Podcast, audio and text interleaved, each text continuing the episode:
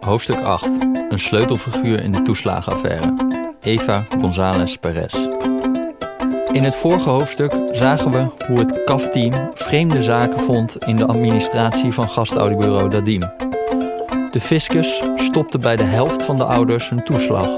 Ze gingen in bezwaar, rechtszaak na rechtszaak volgde, maar het duurde maanden, zo niet jaren, voordat er iets mee werd gedaan. In dit hoofdstuk zien we hoe een advocaat, een journalist en een Tweede Kamerlid in het geweer komen. Waarom krijgen al die ouders geen toeslag meer? Waarom geeft de staatssecretaris geen openheid van zaken? Heeft de Belastingdienst de wet overtreden? Den Haag, Tweede Kamer, donderdag 14 december 2017. Ik heb zelden een schrijnender dossier onder ogen gehad, zegt Farid Azarkan van Denk. Het rapport van de Nationale Ombudsman is inmiddels tot de voltallige Tweede Kamer doorgedrongen. Tijdens een algemeen overleg, een vergadering van een Kamercommissie met een minister of staatssecretaris, brengt Azarkan als eerste het onderwerp ter sprake. De werkwijze was omgekeerd, zegt hij. Pas na het stopzetten van de kinderopvangtoeslag vroeg de Belastingdienst om bewijzen. Veel ouders raakten daardoor in financiële problemen en moesten hun kind van de opvang halen. Staatssecretaris Menno Snel van D66 van Financiën, die pas net is aangetreden, geeft meteen toe dat er veel fout is gegaan. De Belastingdienst is de balans een beetje verloren tussen het tegengaan van misbruik en het oog houden voor het burgerperspectief, zegt hij. Zijn voorganger Wiebes had naar aanleiding van het rapport van de ombudsman een nota van zijn ambtenaren op zijn bureau gekregen met het advies om excuses te maken naar ouders van Dadim. Ik ben niet tegen excuses, had Wiebes nog op de nota geschreven, maar we moeten niet te nederig zijn en ook uitleggen waarom we de besluiten destijds hebben genomen. Toch worden de meeste aanbevelingen van de nationale ombudsman door de nieuwe staatssecretaris overgenomen. Beter communiceren, check. Bezwaarschriften sneller behandelen, check. Geen toeslagen stopzetten voordat er onderzoek is gedaan, check. Maar bij één aanbeveling wordt het lastig. Een tegemoetkoming bieden voor het aangedane leed. De staatssecretaris wil zich best coulant opstellen bij het beoordelen van de bewijsstukken, maar kan niet zomaar tegemoetkomingen uitdelen. Bij meer dan de helft van deze ouders bleek immers dat ze geen of minder recht hadden op toeslagen. Mijn oplossing is om aan te geven dat iedereen die recht heeft op zijn toeslagen die terugkrijgt, legt snel uit tijdens het algemeen overleg. Wie recht denkt te hebben op meer, kan zijn recht halen via de normale weg die we daar in Nederland voor hebben. Via de rechter dus. Ik ben heel erg bang dat als ik nu ga zeggen dat ik op zoek ga naar een soort oplossing, het beeld zou ontstaan dat ik iets meer te bieden heb dan de wet die we hebben, zegt hij. Wat al zijn voorgangers al zeiden, zegt Menno Snel dus ook. De wet is de wet. En als de wet is aangenomen door het parlement, de rechtsgang is doorlopen, de bezwaren en beroepen zijn afgehandeld, dan rest er verder niets. Eva González Perez is intussen in het bezit gekomen van vertrouwelijke stukken van de Belastingdienst. Haar bron is een bezwaarbehandelaar die bijna met pensioen gaat en, op verzoek van de advocaten, in het geheim stukken met haar begint te delen. Er volgt nog een stuk en nog een stuk en nog een stuk. Op een gegeven moment deelt de medewerker zelfs documenten van buiten zijn werkterrein. In maart 2018 wijdt het programma Nieuwsuur een reportage aan een zaak van een van de Dadim-ouders. In de uitzending betoogt González Perez dat de Belastingdienst bewust stukken achterhoudt. Om precies te zijn, notities van gesprekken die ouders voerden met medewerkers van de belastingtelefoon. González Perez heeft die gespreksnotities in haar bezit en daaruit blijkt dat ouders herhaaldelijk om opheldering vroegen. Door deze stukken niet in procedures te krijgen, ben je met de handen op de rug gebonden en kun je niet ver procederen, zegt González Perez in de uitzending. Pieter Omtzigt verschijnt ook voor de camera's van Nieuwsuur. Ik vind dat de Belastingdienst alles op tafel moet leggen, zegt hij. Ik zal opheldering vragen van de staatssecretaris hoe dit precies gebeurd is. Het is Farid Azarkan van Denk die de volgende dag meteen een Kamerdebat aanvraagt. De Tweede Kamer gaat akkoord met een debat in de Commissie voor Financiën. Maar pas een half jaar later, op woensdag 5 september 2018, is er een plekje op de overvolle Kameragenda. Pieter Omtzigt stelt ondertussen Kamervragen over de Dadim-zaak. Is er in het kader van het onderzoek van de Nationale Ombudsman een intern onderzoek gedaan naar de operatie CAF 11 Hawaii, schrijft hij in mei 2018 over de Dadim-zaak aan de staatssecretaris. Blijkbaar weet Omtzigt al meer, want in de volgende zin noemt hij het exacte jaartal van het rapport. Zo ja, wanneer is dat gedaan en kunt u het rapport uit 2015 aan de Kamer doen toekomen? Het antwoord van Menno Snel volgde enkele weken later. In het kader van het onderzoek van de Nationale Ombudsman is geen intern onderzoek uitgevoerd naar de genoemde operatie, aldus de staatssecretaris. Een maand later stelt Omtzigt een lange reeks vervolgvragen over het achterhouden van rechtbankstukken. Hij weet nu precies welk rapport hij wil hebben. Klopt het dat er een evaluatierapport CAF 11 geschreven is? vraagt hij. Dat klopt, geeft Snel nu toe. Op 30 augustus legt de staatssecretaris het rapport vertrouwelijk ter inzage voor aan de Kamer, samen met enkele andere vertrouwelijke stukken in de CAF 11-zaak. Vijf dagen later heeft ook journalist Jan Klein Nijhuis van Trouw het rapport in handen. Belastingdienst werkte ouders die recht hadden op kinderopvangtoeslag bewust tegen, kop Trouw die ochtend op de voorpagina. Die conclusie baseert Klein Nijhuis onder andere op enkele zinnen in het evaluatierapport. Er staat: Door het grote aantal betrokken burgers was het tijdens de beoordeling lastig om de bewijsstukken van de verschillende burgers in samenhang met elkaar te beoordelen. Om die reden werd vooral op individueel niveau gezocht naar gronden om de toeslag af te wijzen. Er is in de afwijsgronden dan ook geen patroon te zien. Klein Nijhuis heeft eveneens de hand weten te leggen op een collegiale handreiking die een bezwaarbehandelaar van de Belastingdienst deed aan een collega. In deze instructie wordt fijntjes uitgelegd welke bewijsstukken van de ouders aanwezig moeten zijn, en dat zijn er veel. De bezwaarbehandelaar geeft vast zijn verwachting aan. Waarschijnlijk kun je bijna niks toekennen. Eva González Perez wordt in het trouwartikel om een reactie gevraagd. Ik ben erg geschrokken van de vooringenomenheid van de Belastingdienst die hieruit spreekt, zegt ze. Ook Omtzigt komt aan het woord. Hij vermoedt dat de staatssecretaris moedwillig het rapport heeft achtergehouden. Ik heb eerder specifiek naar dit document, het evaluatierapport, gevraagd, zegt hij. Dan moet de regering het gewoon naar de Kamer sturen. Ik neem dit hoog op en ga ervan uit dat de staatssecretaris de stukken nu gewoon openbaar maakt. Den Haag, Tweede Kamer, dinsdag 4 september 2018. Het is de dag voor het Kamerdebat over het rapport van de Nationale Ombudsman over de Dadim-zaak. Omtzigt neemt het woord in de regeling van werkzaamheden. Hij vindt het nogal hinderlijk, al die vertrouwelijke stukken. We kunnen morgen geen debat hebben als die stukken niet openbaar zijn, zegt het Kamerlid boos. En ik wil ook weten of het alle stukken zijn, want het feit dat we vanmiddag nog een brief kregen waarin stond dat ze nog twee stukken gevonden hebben, toevallig de stukken die Trouw ook had, die eerst niet leken te bestaan, is natuurlijk onbestaanbaar. Het ziet er inderdaad niet best uit voor de staatssecretaris, al dat gedruppel van documenten.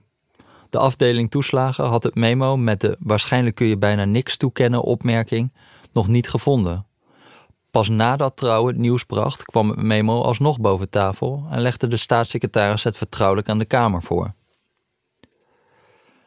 Dit gaat om een lange casus waarbij in 2014 kinderopvangtoeslagen zijn stilgezet en waarbij mensen jarenlang geen kinderopvangtoeslag kregen, terwijl de rechter zei dat zij daar wel recht op hadden.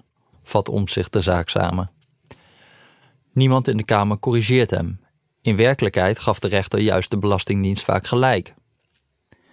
De volgende dag zal het parlement met de staatssecretaris in debat gaan over het rapport van de ombudsman maar Omtzigt stelt voor dat debat uit te stellen in afwachting van meer documenten, die dan wel openbaar moeten worden.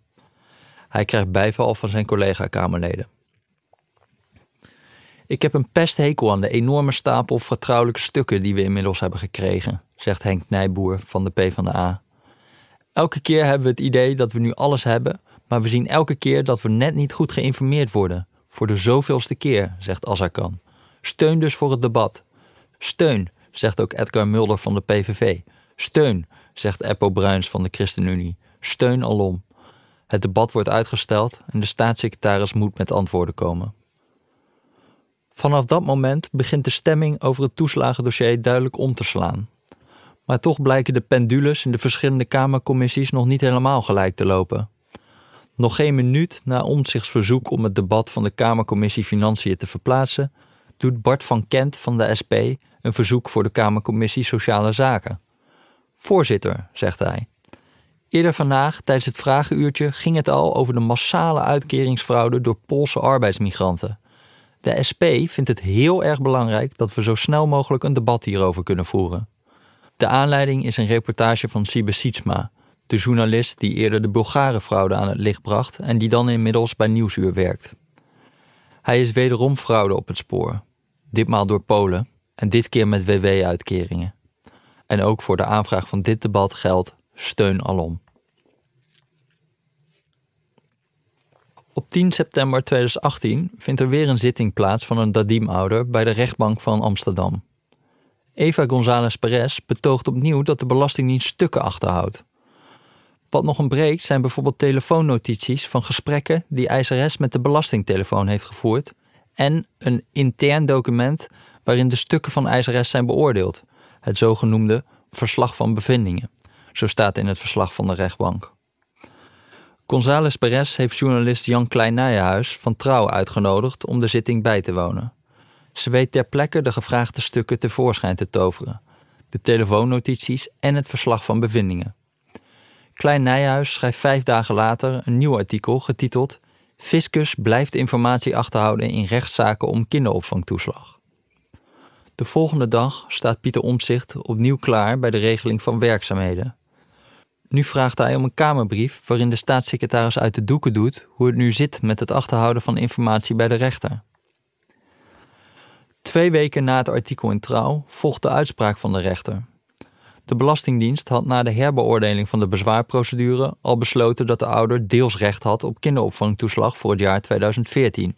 Voor de jaren 2012 en 2013 bestaat geen recht op kinderopvangtoeslag. Bij de rechter vraagt González Perez bovenop de toegekende toeslagen om een schadevergoeding van nog eens 10.000 euro en om een aanvullende schadevergoeding wegens de lange behandelduur. De Dadim-ouder krijgt alleen op het laatste punt gelijk. De Belastingdienst heeft veel te lang gewacht met een besluit over haar aanvraag kinderopvangtoeslag. Dit is onder meer gebleken uit een van de interne notities van de Belastingdienst, die González Perez heeft ingebracht. Burger heeft bankafschriften overlegd. Hieruit blijkt dat er voor de maanden oktober 2013 tot en met juli 2014 kinderopvangkosten volledig zijn betaald aan gastouderbureau. De ouder krijgt de maximale wettelijke schadevergoeding. 500 euro voor elke half jaar dat ze heeft moeten wachten. De vooringenomen besluitvorming van de Belastingdienst wordt hard afgestraft door de rechter. Het is onbegrijpelijk waarom de Belastingdienst zo lang over zijn besluit deed. Alle relevante betaalbewijzen bevonden zich naar het oordeel van de rechtbank bij de door de ouder op 3 september 2014 overgelegde stukken, schrijft de rechtbank. Dat de Belastingdienst die mening destijds ook was toegedaan, blijkt bovendien uit de interne notities van de Belastingdienst. Over het inbrengen van de telefoonnotities en het verslag van bevindingen overweegt de rechter als volgt. De rechtbank ziet geen reden het onderzoek naar achtergehouden rechtbankstukken te heropenen. Ten overvloede overweegt de rechtbank nog dat, ook als de inhoud van de nadere stukken in de procedure zou worden betrokken, dat niet tot een ander oordeel over de bestreden besluiten over het recht op kinderopvangtoeslag of de verzoeken tot schadevergoeding zou leiden. Uiteindelijk laat de rechtbank de vraag open of deze stukken nu wel of niet ingebracht moeten worden. Als staatssecretaris Menno Snel na deze uitspraak zijn juridische afdeling vraagt om een advies over het inbrengen van stukken, zal deze oordelen dat het verslag van bevindingen wel en de telefoonnotities niet ingebracht hoeven te worden. De juristen merken hierbij op dat deze stukken waarschijnlijk geen doorslaggevend karakter zullen hebben voor het oordeel van de rechtbank. Het recht op kinderopvangtoeslag bewijs je met facturen, contracten en betalingsbewijzen, niet met gespreksnotities of ongepaste opmerkingen van belastingdienstmedewerkers. En als er veel te lang is gewacht met het toekennen van toeslag, terwijl je de bewijsstukken wel hebt aangeleverd, krijg je een wettelijke schadevergoeding. In een brief aan de Kamer trekt Menno snel het boetekleed aan.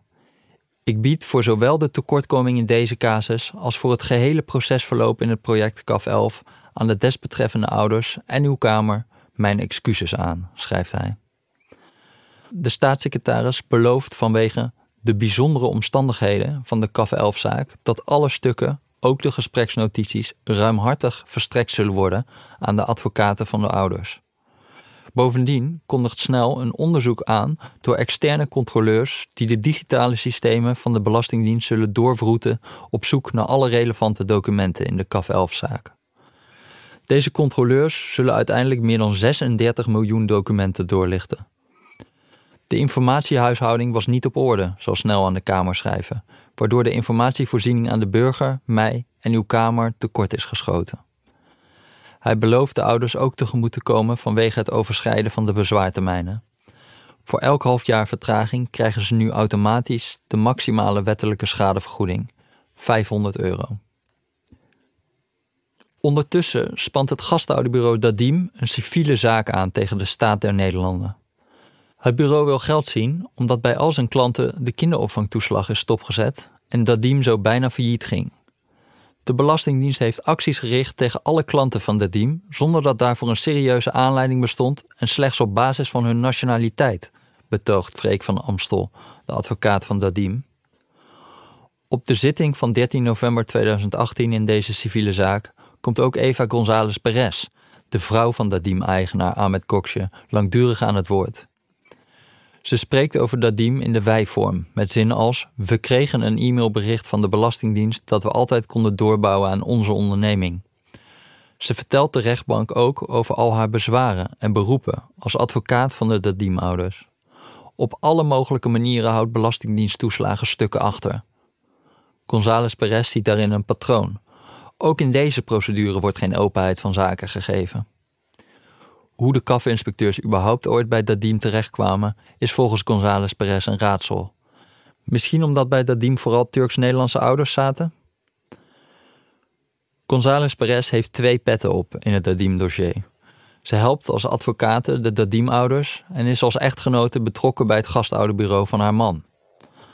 Als tijdens een zitting in december 2016 een medewerker van de Belastingdienst terloops opmerkt dat het gastouderbureau zijn zaakjes niet op orde had, reageert González Perez als door een wesp gestoken.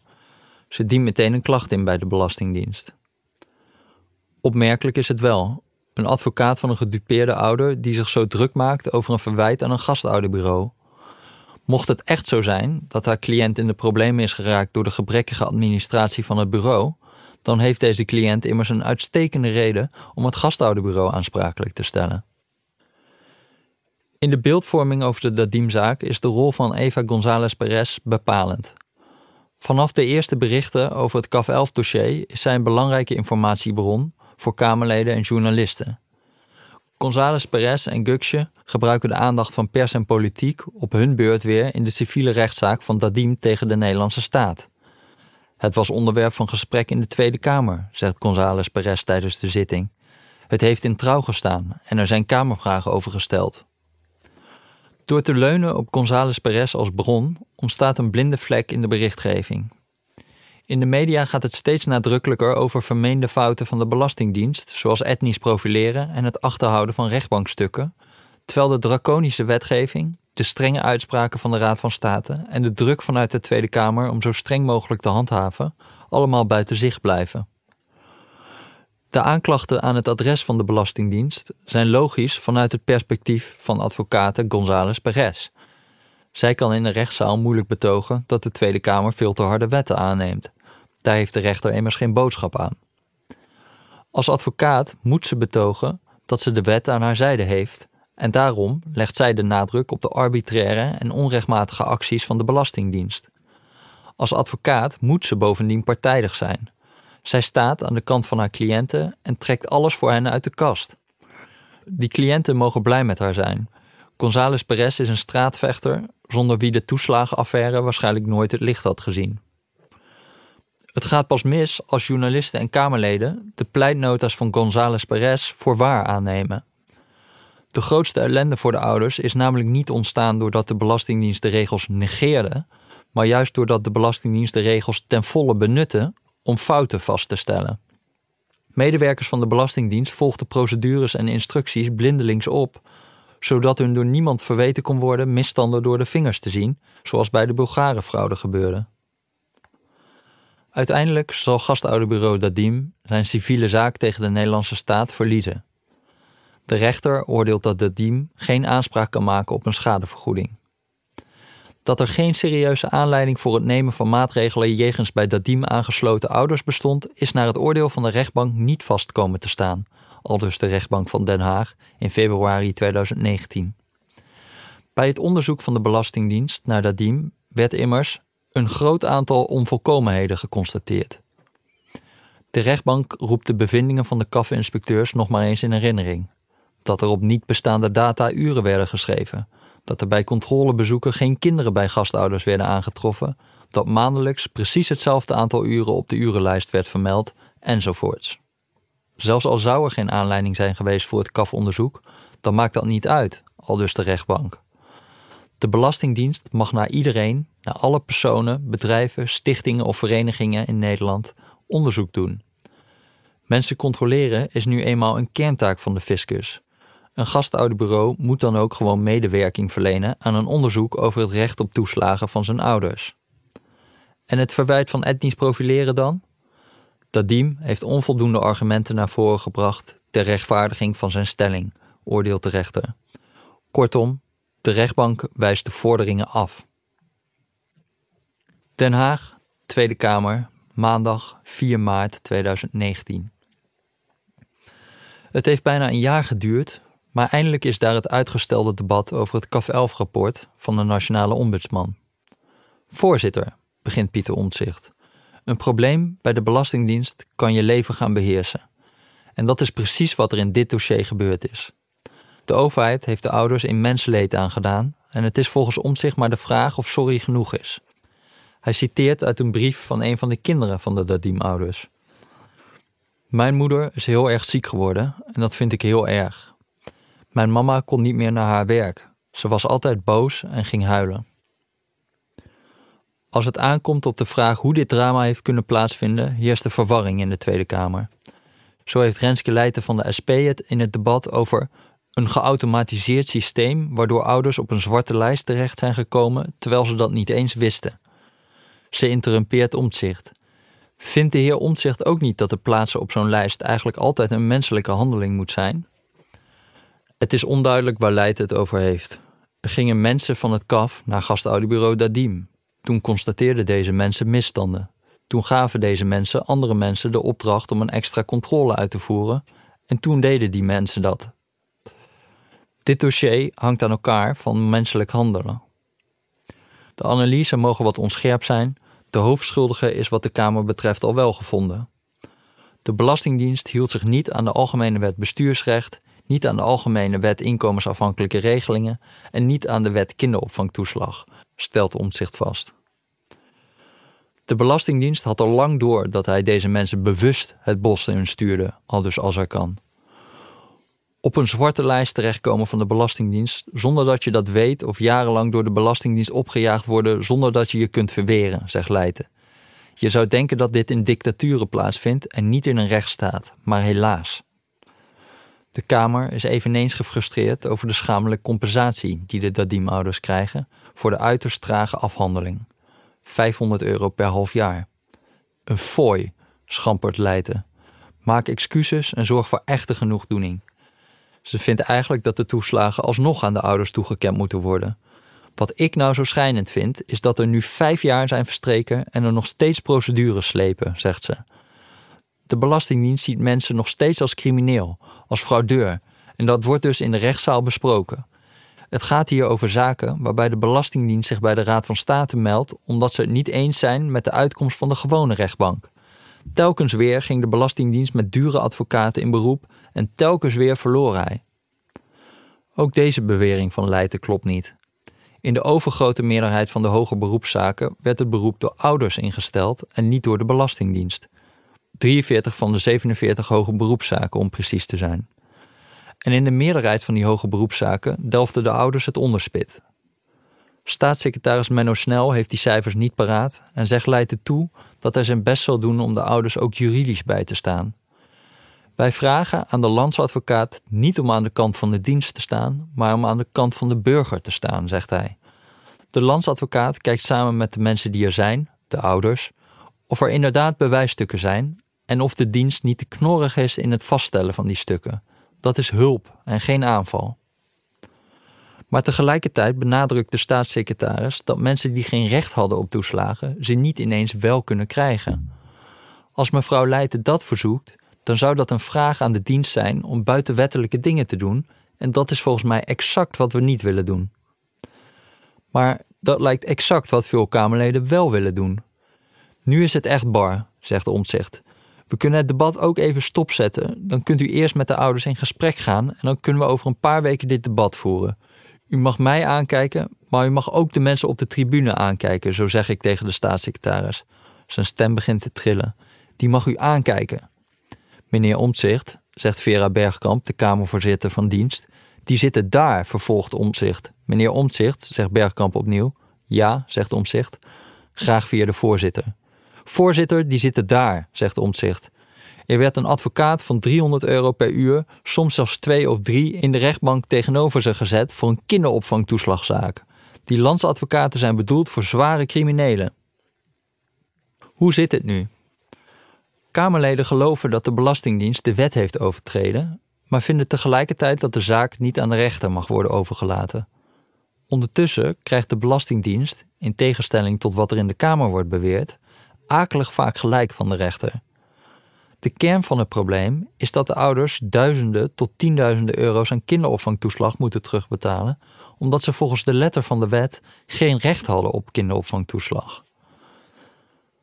De Kamerleden zijn dus ontevreden met de uitkomst van het gelopen recht. Maar waarom is het recht zo gelopen? Waarom krijgt de Belastingdienst steeds gelijk? Ook in dit debat speelt de wetgeving, waar de Tweede Kamer zelf voor stemde, geen enkele rol. En er wordt wederom nauwelijks gesproken over al die aanmoedigingen die de Tweede Kamer vijf jaar geleden nog gaf, al die moties, spoeddebatten en interrupties om zo hard mogelijk te handhaven. Of nou ja, Kamerlid Steven van Weijenberg van D66 doet een poging. Vijf jaar geleden hadden we hier ook een debat over fraude, begint hij zijn betoog. Niet over een te harde aanpak, maar over een te korte aanpak. In dat debat over de Bulgare-fraude spraken wij allen, ook mijn fractie, grote woorden over het belang van de aanpak van fraude en dat daar tandjes bij moesten. Van Weijenberg krijgt de wind van voren. Kunt u aangeven of er in Kamerdebatten is gezegd dat we bij de fraudeopsporing best het recht van mensen en rechtsstatelijke principes los konden laten? vraagt Leijten. Ik vind het vreemd dat we hier gewoon met elkaar constateren dat burgers niet goed behandeld zijn en het op een of andere manier aan de Kamer ligt, zegt Edgar Mulder van de PVV. Ik vind het echt stuitend wat de heer Van Wijberg van D66 doet, zegt Azarkan. Het is moeilijk om niet mee te voelen met de woede van de Kamerleden als ze het hebben over de schandalige behandeling van zoveel ouders. Maar voor een oplossing moet het probleem helder en scherp voor ogen komen. En juist de Kamerleden die het meest betrokken zijn, die al langst op dit dossier zitten, kiezen voor een analyse waarin de rol van de wetgever wordt genegeerd. Sterker nog, wordt ontkend. En dus begrijpen ze niet waardoor de ouders zo in de problemen zijn gekomen en waardoor ze nu niet ruimhartig gecompenseerd kunnen worden. Is het onmacht? Is het onwil? Of is het nog erger? Kwaadaardige volharding van de Belastingdienst.